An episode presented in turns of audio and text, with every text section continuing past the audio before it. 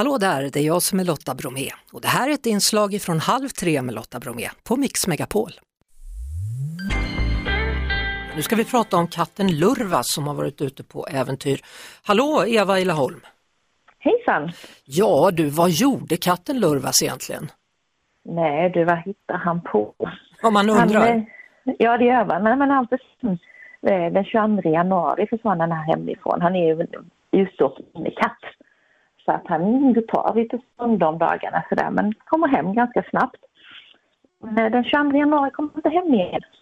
Nej, och då visade det sig att han hade hoppat på ett släp. En bil med släp var och hälsade på hos din granne och sen skulle den här ja. bilen köra hela 80 mil.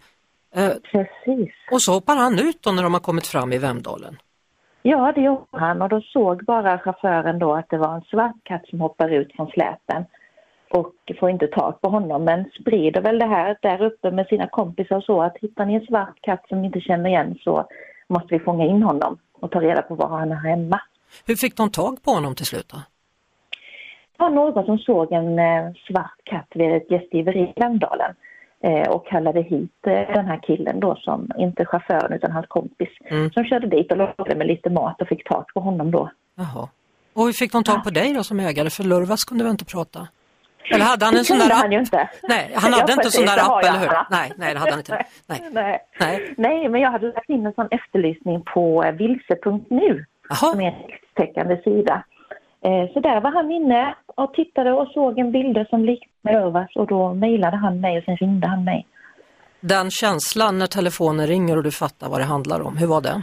Alltså jag, nej men jag, det här var kvällen, jag har gått och lagt mig hjärtat dubbelvolt och jag var, jag tänkte nej men det kan inte vara möjligt. Men det alltså, var möjligt?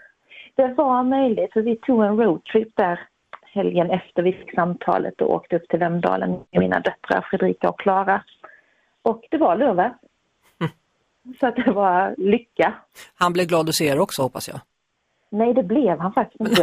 Han var lite chockad faktiskt. Jaha, han bara, jag trodde jag hade sluppit dem där, nu måste jag följa med hem igen. Ja, men typ lite så. Där. Men när han kom hem sen och vi släppte ut honom här hemma, då, då visade han sitt vanliga jag igen. Mm. Jaha, har han lärt sig något efter allt det här tror du då, Lurvas? Jag hoppas ju det. Han fick ju faktiskt utegångsförbud får jag säga det första månaden att jag fick chippa honom och sådär. Eh, men nu är allting som vanligt. Nu Jaha. går han ut och in. Ja. ja. Men jag hoppas att han håller sig på gatan eller i kvarteret. Mm. Vi kan hoppas att grannen inte bjuder in folk med släp i fortsättningen också. Eller att de åker söderut, det är lite trevligare. lite varmare där för Lurvas. Och så får du byta liksom res, resmål också, det är bra. Ja, jag kände det också ja. faktiskt. Tack för att ja. du var med i Halv tre, Eva Svensson i Laholm och kul att Lurvas är tillbaka då. Ja, tack ska du själv ha. Ja, och är du som lyssnar nyfiken på hur Lurva ser ut då är det bara att gå in på vår Instagram för där finns en liten bild på honom. Det var det. Vi hörs såklart igen på Mix Megapol varje eftermiddag vid halv tre. Ett poddtips från Podplay. I podden Något Kaiko garanterar östgötarna Brutti och jag, Davva, dig en stor dos skratt. Där följer jag pladask för köttätandet igen. Man är lite som en jävla vampyr. Man har fått lite blodsmak och då måste man ha mer. Udda spaningar, fängslande anekdoter och en och annan arg rant. Jag måste ha mitt kaffe på morgonen för annars är jag ingen trevlig människa. Då är du ingen trevlig människa, punkt. Något kajko, hör du på podplay. Därför är gardinerna.